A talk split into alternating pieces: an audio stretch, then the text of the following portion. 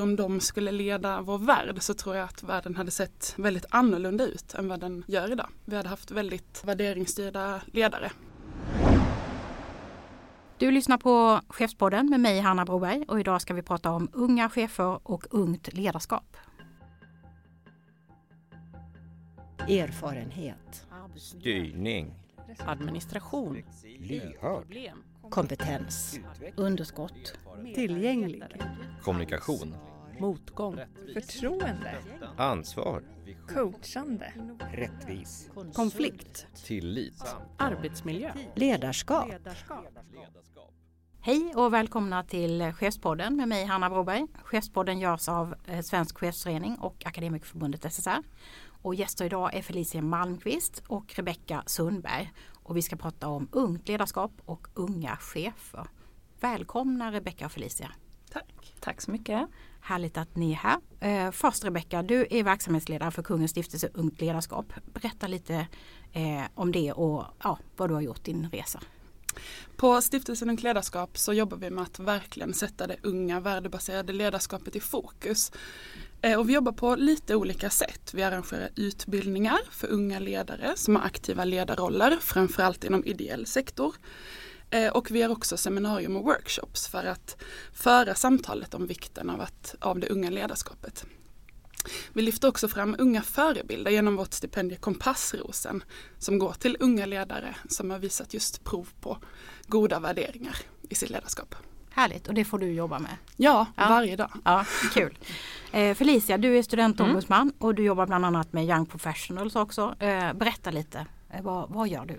Ja, vad gör jag? Eh, som studentombudsman så har jag i mitt fall ansvar för södra Sverige. Så att jag har ansvar för alla universitet och högskolor och liksom förbundets verksamhet eh, på de här lärosätena. Och det är bland annat då som arbetsledare för Akademikerförbundet SSRs studentinformatörer.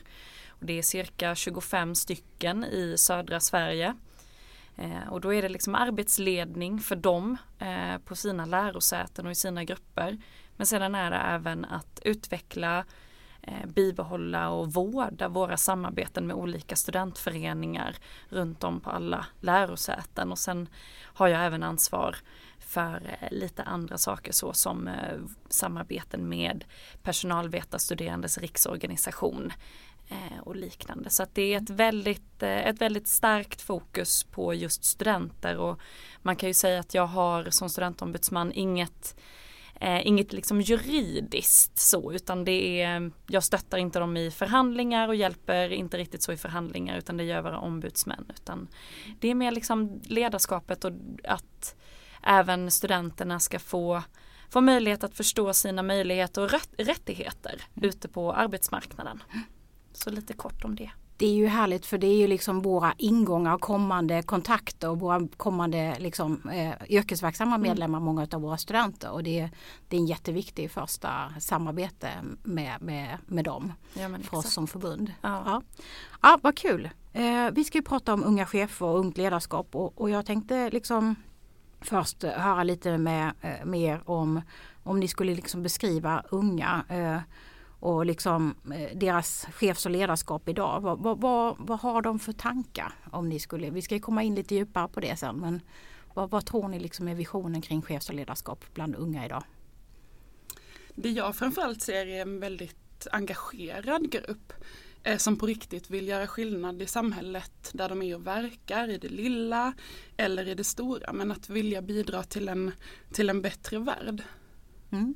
Mm, ja, och det, det håller jag verkligen helt med om. Och framförallt ser ju jag väldigt mycket eh, att det finns en vilja att liksom leda hållbart. Det är en, uh, unga ledare idag och unga överlag är väldigt medvetna om liksom den psykiska ohälsan och stressen eh, och liknande som liksom finns både i privatlivet men också i yrkeslivet. Så ambitionerna om att leda hållbart är väldigt stort hos många och jag ser även eh, att vi har en ung generation som är väldigt värderingsstyrda. I alla fall i våran yrkes, eller i våra yrkesgrupper, akademiker då. Väldigt vär, värderingsstyrda och eh, det i sig i att kunna leda utifrån sina egna värderingar och att få sina medarbetare att utvecklas på det sättet. Det, det tycker jag låter fantastiskt hoppfullt. Eh, jag tänker vi ska också komma in på det om det är liksom den här nya generationen eller om det är så bland unga som kommer ut på arbetsmarknaden sedan tidigare också. Men, men jag är med och läser eh, de här fantastiska ansökningarna som kommer in till stiftelsen Mm. Ungt ledarskap. Eh, och det är snart dags igen. Man kan just söka nu. Det får du berätta mer om sen också Rebecka. Eh, men, men när du tittar på de eh, ansökningarna, vad, vad är det du ser i, i det? Eh, alltså det är ju väldigt drivande personer eh, och mycket engagemang och mod och så. Att ta del av de ansökningarna är verkligen det absolut roligaste i mitt jobb. Och jag brukar tänka att om jag får chans att samla alla de personerna som är nominerade i ett rum eller om de skulle leda vår värld så tror jag att världen hade sett väldigt annorlunda ut än vad den gör idag. Vi hade haft väldigt, som du sa, värderingsstyrda ledare som vill göra skillnad. Um, det jag ser där är att många väljer att göra det genom befintliga organisationer, att leda genom redan existerande organisationer och vissa väljer att starta egna initiativ, kampanjer eller egna organisationer. Men jag håller med, en väldigt värderingsstyrd eh, generation. Mm. Det, det är också så att vi har tittat på ett, ett par undersökningar som har kommit från eh, Academic Work och Ungdomsbarometern eh, som, är, som är ganska nya och som, som för, förbundet, Akademikerförbundet SSR har, har liksom, en av dem har vi beställt också. Kan du säga lite mer eh, Felicia om eh, lite trender och så? Eh, där, man, man pratar om de här nya generationerna och liksom eh, eh, det är rätt stor skillnad bland annat killar och tjejer då, eh, hur engagemanget ser ut. Ja, verkligen. Och där, ja det finns hur mycket som helst att säga kring det. Men de två generationerna som vi kan fokusera på här och nu. Det är ju då den så kallade generation Z. Som eh, just nu betecknas som de som är i åldern 25 till 24. Och sen har vi då millennials. Eh, som är 25 och uppåt till upp till 35 däromkring. Eh, och vi ser att majoriteten av de här ungdomarna eh, jobbar inom privat sektor. Eh, och någonting som är väldigt, väldigt att, viktigt att betinga där är ju att det är en generation som har växt upp i ett helt annat klimat än den inom situationstecken äldre generationen. Vi pratar om, liksom, vi har inte samma tryggheten när det kommer till bostad, när det kommer till, ehm, när det kommer till liksom, tills vidare anställningar och liknande. Vi är uppväxta i ett mer individualistiskt och otryggt eh, samhälle om man ser på arbetsmarknadsperspektivet då. Och där har de ju sett i ungdomsbarometern eh, den här tanken hos unga att man ser sig själv som lite av sin egen lyckas smed. Man har ett väldigt stort ansvar som man lägger på sig själv i att vara den som ser till att bli någonting på arbetsmarknaden, att man lyckas. Det är ju lite intressant och vi, vi kan komma tillbaka lite grann till vad vi tror om kommande arbetsplatser och liksom arbets, arbetsmiljö och sådär.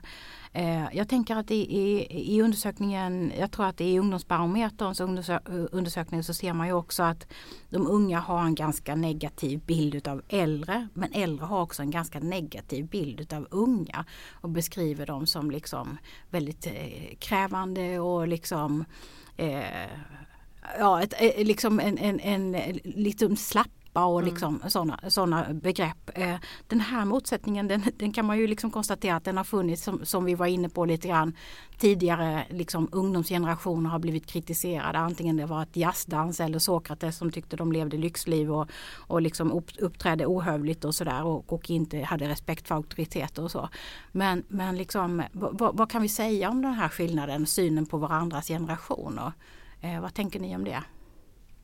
Jag tror det är jätteviktigt att skilja på vad som är den här unga generationen, unga idag eh, och vad som är signifikant för unga. Och jag tror många av de här gamla traditionella påståendena om unga är väldigt återkommande. Att om vi skulle fråga våra morföräldrar om våra föräldrar så skulle de med ganska stor sannolikhet säga samma sak tror jag.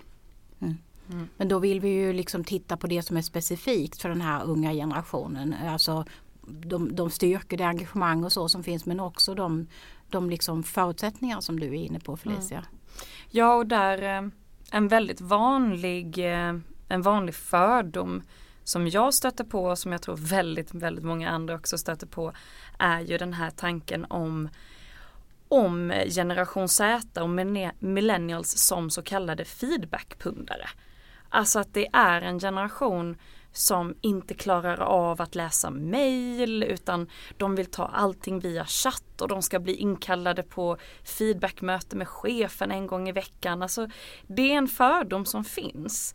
Och det är ju superintressant då för att vi har det i konflikt med att det är en generation som upplever så mycket stress och otrygghet. Med otrygga anställningar och därav är det ju såklart att de vill få feedback på att det de gör är bra. För att annars riskerar de att kanske inte kunna förnya eller liksom förlänga sitt, sin projektanställning. Så att den här otryggheten och osäkerheten bidrar ju såklart till att det är en, en generation på arbetsmarknaden som behöver mycket feedback och återkoppling. Mm.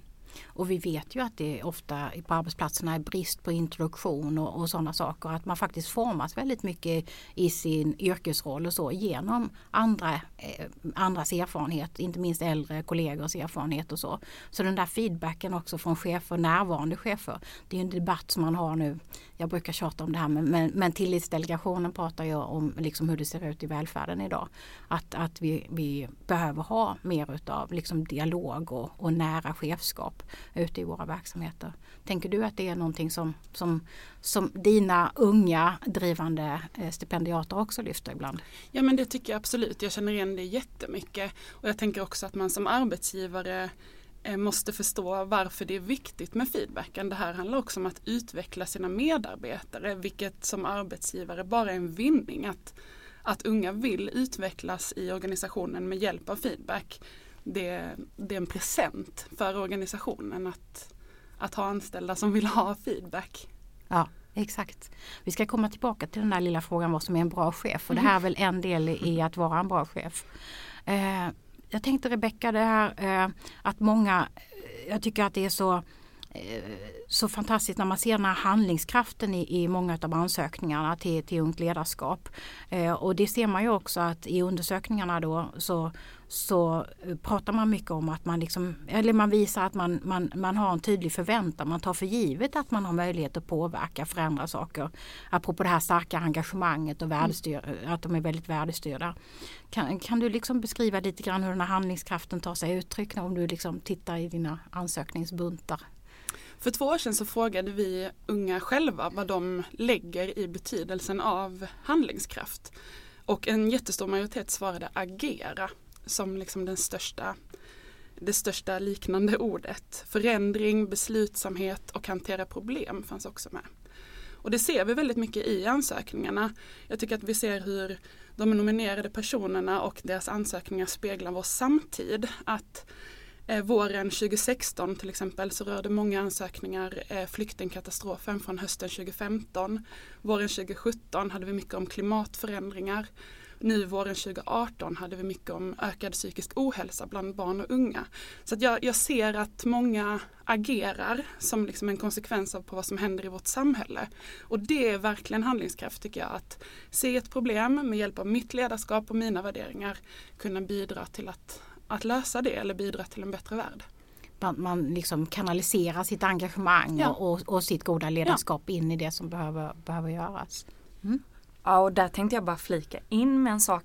För att eh, då enligt den här undersökningen som vi har beställt från Ungdomsbarometern, de såg också det i sin i den här undersökningen då att det finns ett ökat politiskt intresse bland unga det har, eh, sen vet man inte om det kan vara en valårseffekt. Oavsett så är det ju väldigt positivt att eh, det finns ett ökat politiskt intresse. Och för att knyta an lite till det här vi pratade om, eller nästan var inne på det här med liksom skillnaden mellan tjejer och killar.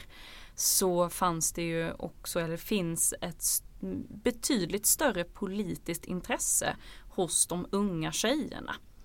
Eh, och liksom värderingar och ett driv i att bedriva liksom påverkansarbete eh, och det politiska budskapet som, som de vill framföra. Och då är det, det är feminism, Mm. det är miljö. Eh, Antirasism. eh, ja. och, och, och, och killarna är lite mer inriktade på eh, internet, spel, teknik. gaming, Gaming. och eh, ja men mer liksom mer tanken om liksom konsumtion och prestation. Eh, och identifiera sig i mycket högre utsträckning just som gamer eller prylnörd, livsnjutare.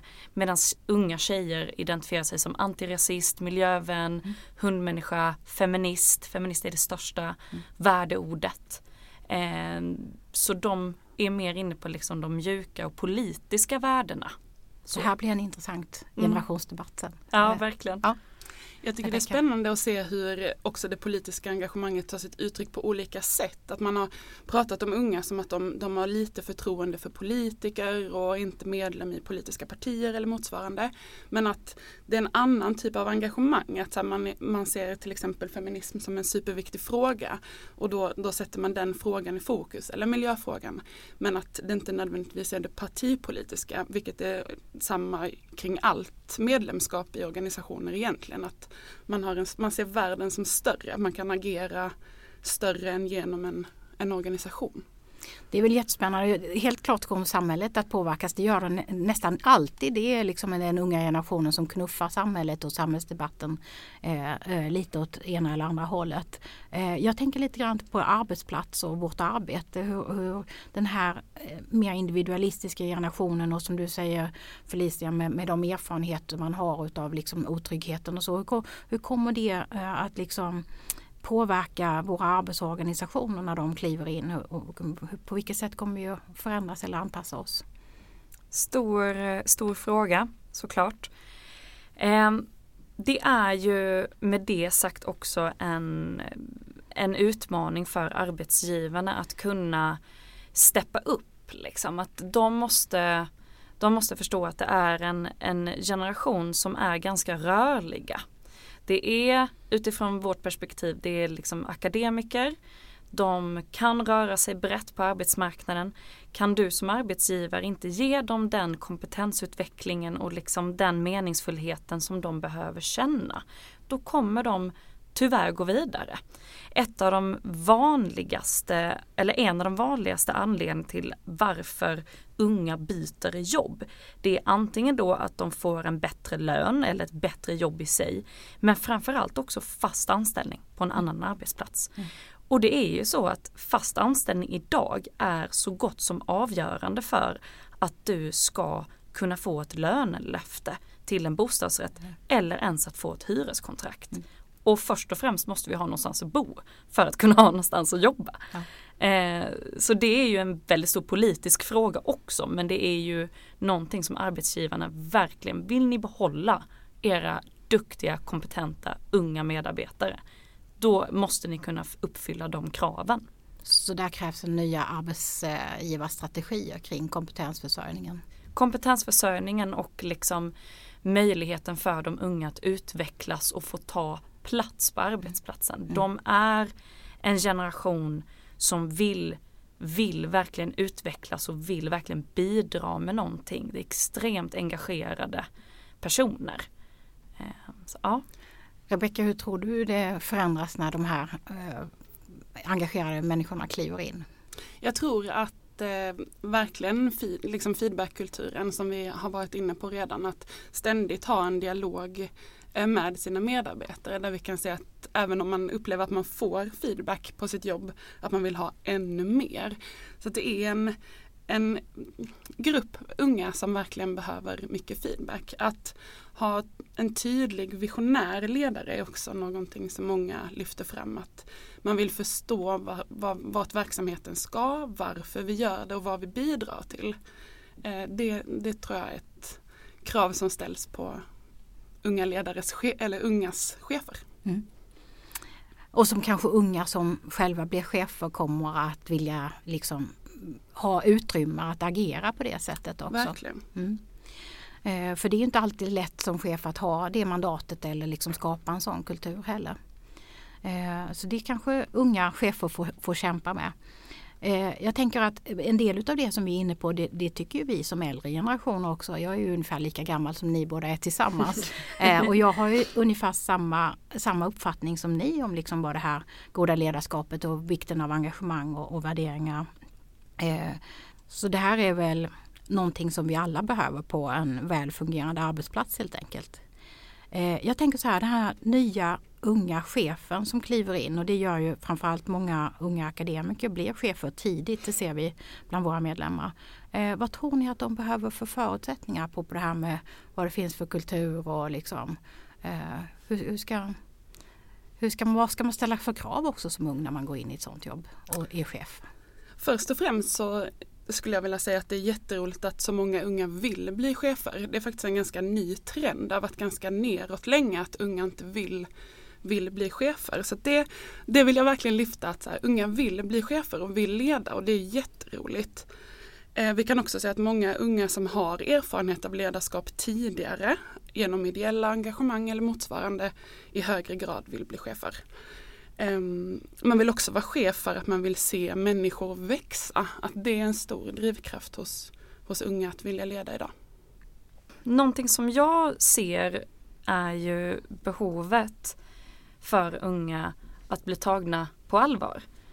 Att många, många som unga ledare ser det som en lite, lite jobbigt och utmanande att oj nu ska jag leda och vara chef över någon som är tio år äldre än mig. Men vi måste ju sluta se ålder och se kompetens istället. För den personen har ju blivit anställd som chef av en anledning. Den har rätt kompetenser. Och då tycker jag vi ska strunta i vad, vad åldern har att göra med det egentligen. Ehm, det är ju bara ytterligare en bidragande faktor till stressen. Att du som ung inte bara har att du är lite oerfaren ehm, men också att du är det är ju en diskrimineringsgrund att bli, att bli ifrågasatt på grund av sin ålder. Mm. Och jag tänker att det som vi ser hos många chefer men kanske lite extra hos unga det är ju just eh, eh stressen, prestationskraven, att, att man är lite osäker men att man då till exempel behöver handledning, mentor, god introduktion, eh, väldigt eh, liksom bra högre chef också som man har en god dialog med. Eh, och då tänkte jag om man kommer in på det, det, andra då, vad krävs av de chefer som finns idag när de tar emot eh, de här unga nya medarbetarna eh, som kommer ut på arbetsmarknaderna? Att, att vara tydlig i sitt ledarskap skulle jag säga är det absolut viktigaste. Att, men också att våga vara visionär och vara tydlig med sina värderingar är, är väldigt centralt för att den här eh, generationen ska trivas. Att, att man känner en meningsfullaktighet när man är på jobbet. Så att en, en visionär ledare men som också är tydlig och kan, kan möta den här eh, gruppen. Eh, och också feedbacken som vi har varit inom. Det, jag kan inte säga det nog. Nej. Vi kan säga att 46% idag eh, är nöjda eh, med den feedbacken de får. Så att där finns mer att jobba på. Så det är något alla chefer behöver jobba oavsett ålder på sina ja, medarbetare egentligen? Ja, och se vikten av det. Att inte se det som någonting jobbigt mm. som jag som chef eh, och ledare behöver göra utan att jag faktiskt får tillbaka eh, när jag ger feedback. Få förståelse för organisationen, uppdraget och verksamheten funkar. Ja. Och medarbetare som trivs. Mm. Vad tänker du eh, Felicia om, om vad, vad, som krävs av cheferna? Mm, alltså, håller helt och hållet med Rebecka. Eh, men vad som också krävs av cheferna är att ge den här generationen plats. Alltså att våga utmana dem och låta dem också förstå sin potential. Eh, och att lyfta dem och att med, med liksom frihet även vägleda dem eh, till att ta ansvar och till att utvecklas. Och då har vi väl ringat in lite grann för i, i undersökningen så det jag tror ungdomsbarometern mm. så, så är ju en utav oron eller det som man är, liksom inte vill ha det är en dålig chef. Just det. Eh, mm. Eh, och, och, jag tycker inte vi behöver utveckla vad dålig chef är. Eh, eh, eh, jag tror att väldigt ofta handlar det om chefernas egen förutsättning också. Vad, mm. vad man har för förutsättningar. Eh, men, men vad är en bra chef då? Ni har ju varit inne på en, en del av det nu. Jag tror att växa att växa genom att få prova på, precis som Felicia sa, att få möjligheten att ha en kultur där man får misslyckas men att prova igen. Eh, men framförallt få chansen för det, det är så vi lär oss. Hur ska vi få erfarenhet om vi aldrig får prova? Så tänker jag. Mm. Jag gör reflektionen där att eh, man har en bild av att eh, äldre män som är chefer ofta skaffar sig någon adept i organisationen, ofta killar eh, som man liksom guidar och de följer den här äldre chefen i karriären så att säga. Att det finns liksom lite upptrampade stigar så. Och det hoppas man ju att det ska bli så för eh, unga kvinnor och att äldre kvinnliga chefer tar på sig, eller alla chefer tar på sig oavsett om det är tjejer eller killar som kommer in i organisationen. Men det här liksom någon slags internt mentorskap eller karriärsmentorskap eh, på lång sikt. Liksom. Eh, och då är jag liksom lite inne på Rebecka det här med värdebaserad ledarskap som ju är eh, scouternas utbildningar och, och eh, eh det som liksom är grunden i, i stipendiet också. Eh, där är ju mentorskap en del också. Eh, du får berätta lite mer om vad det är för att vad jag förstår så är det många företag som är engagerade mm. och, och många företagsledare som själva tittar på kan det här kanske påverka våra arbetsplatser och eh, våra äldre chefer också idag, hur vi jobbar. Att prata om hållbarhet och värdebaserat ledarskap är centralt för många företag och organisationer idag och jag ser en ökad vilja att dela med sig av sitt ledarskap och bidra till någon annans utveckling, precis som du är inne på Hanna.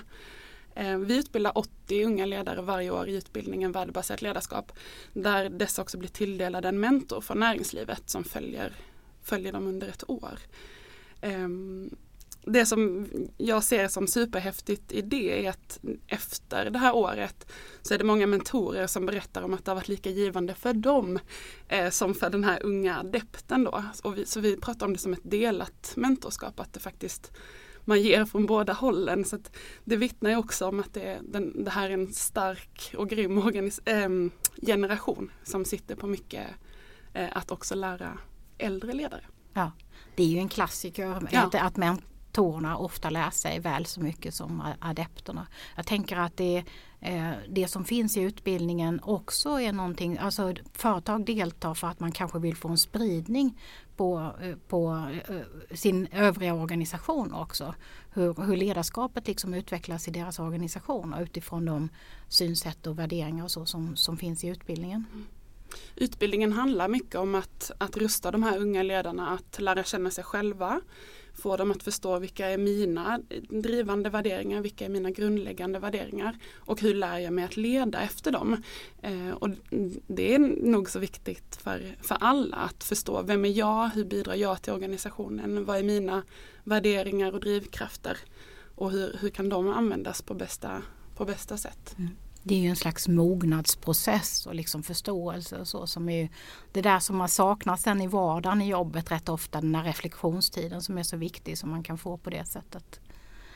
Eh, tänker du Felicia någonting om, om mer om, om det här hur organisationerna påverkas liksom ledarskapsmässigt utav de här ungas värderingar och så. Tror du att det kommer att förändras? Ja, det, jag hoppas jag hoppas det för att det blir ju också då en generation när de börjar komma in på chefspositionerna i, i sin tur. Med sina värderingar och liksom sitt värdestyrda ledarskap så kommer vi förhoppningsvis också se en skiftning i organisationerna och på arbetsplatserna som går åt mer, eh, mer värderingar. Eh, och att det kanske förhoppningsvis kommer bli ett ledarskap som kommer bidra till mer liksom, positiv internkultur, som är mer inkluderande. För det är någonting som unga verkligen värdesätter på sina arbetsplatser och där är det gott ledarskap också och jämställdhet är väldigt, väldigt viktigt för mm. den unga generationen. Så det kommer förhoppningsvis ske ett skifte där. Någonting som jag är lite bekymrad över som vi har varit inne på det är ju den här unga stress och att det finns utbrändhet också bland, i den unga generationen. Och man, man kan känna lite grann att alltså, unga förväntas liksom själva lite ta ansvar för det här och det tror jag är någonting som vi måste, det här eh, sättet att jobba på en arbetsplats då, att, liksom, att lyssna, att eh, liksom, eh, följa upp, ge feedback och så måste ju vara en del som kanske eh, gör att man känner sig lite tryggare, lite lugnare eh, och, och att man får förståelse för hur man själv fungerar och sådär och att man får hjälp att inte, att inte hamna i den här eh, negativa situationen. Mm. Ja, för att mer än hälften av alla tjejer är oroliga för att bli utbrända på eller genom arbete. Där vi däremot också ser att känslan hos killar är att det är svårare att söka hjälp. Så att det, det, och det beror på massa saker och det är en superlång diskussion men det är ju fortfarande det är ju fortfarande rotat i problemen kring att tjejer är fortfarande de som tar större ansvar för situationerna i hemmet med mera är de som jobbar deltid mer och så vidare och så vidare. Eh, och oron om att bli stressad och utbränd och få en dålig chef eller, eller ledare. Det är ju det är, det är en ond cirkel. Liksom. Mm. Och den arbetssituation vi redan har på arbetsplatserna idag är ju, är ju inte så positiv i det här avseendet så det måste ju brytas. Liksom. Um, men om man, om man tittar på en annan sak som, som uh, ungdomar liksom inte tycker är så viktigt uh, så, så är det lön. Det är liksom bara en slags självklar sak. Uh, och, och, vi pratar naturligtvis ofta lön och vi ger råd om lön. Eh, men men eh, eh, och vi vet att privat sektor ligger lite högre och, vi vet samtidigt att det finns jättestora liksom, kompetensförsörjningsbehov, inte minst ja, hela arbetsmarknaden men framförallt eh, offentlig sektor med de välfärdsbehov som finns. Vem kommer att ta hem de här unga fantastiska nya medarbetarna? Det är inte bara lönefråga utan det är naturligtvis andra saker. Men vem, vem tar hem arbetskraften här? Jag tror den som ehm, kan vara tillräckligt eh, tydlig, inspirerande, eh, skapa en meningsfullaktighet på jobbet.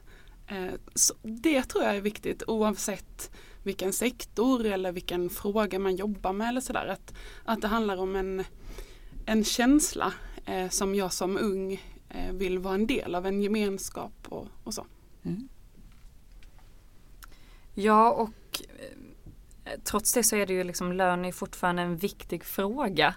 Med, med det sagt, det är fortfarande väldigt viktigt att unga får den lön som de är värda. Eh, oavsett då ålder utan det är kompetensen som det ska baseras på. Men de här värdena i liksom vad, vad gör att man är framgångsrik eller känner sig framgångsrik. Det har balanserats ut mer med att en individs fritid och vad liksom, hur mycket tid man har över till annat och vad möjligheterna till att utveckla sin egna kompetens och så vidare. Det är det som är mer värt än den här höga, höga lönen. Och om ni liksom blickar lite framåt då, liksom, de här unga cheferna eller unga eh, som vi har pratat om idag på arbetsmarknaden och ungt ledarskap. Eh, vad har de liksom för situation om tio år? Hur har, hur har det ut, utvecklats för dem? Om ni får blicka lite framåt. Oh, vad svårt. eh, jag hoppas att vi inte tänker så mycket på ålder att precis som Felicia har sagt ett par gånger att det handlar om kompetensen och att våga lyfta unga ledare, ge dem chansen att prova på och ta in dem i en organisation och se värdet av att de finns representerade, att det är en mångfaldsfråga. Att är vår arbetsplats representativ för hur vårt samhälle ser ut? Ja och att den här, eller den här unga generationen kan bidra till utveckling. Precis som Rebecka säger, det är representation, det handlar om mångfald. Eh, och det handlar om att våga testa de här nya unga fräscha personerna som kommer komma med nya perspektiv som kommer leda till god utveckling. Tusen tack till dig Rebecka. Eh, jag tänkte man kan nominera en ung ledare nu fram till den 31 januari. Berätta Precis. lite kort bara om det också. Det gör man på ungtledarskap.se som är vår hemsida och där nominerar man en ung ledare som är modig, omtänksam och handlingskraftig innan sista januari. Gör det. Och tusen tack till dig eh, Felicia. Du eh, jobbar vidare med Akademikerförbundet och SSR har stöd för studenter och eh, eh, unga i deras profession och anställning. Tack. Eh, och vi sänder Chefspodden igen om ett par veckor och då hittar du Chefspodden bland annat på Spotify eller de andra plattformarna som finns för poddar. Tack och på återhörande.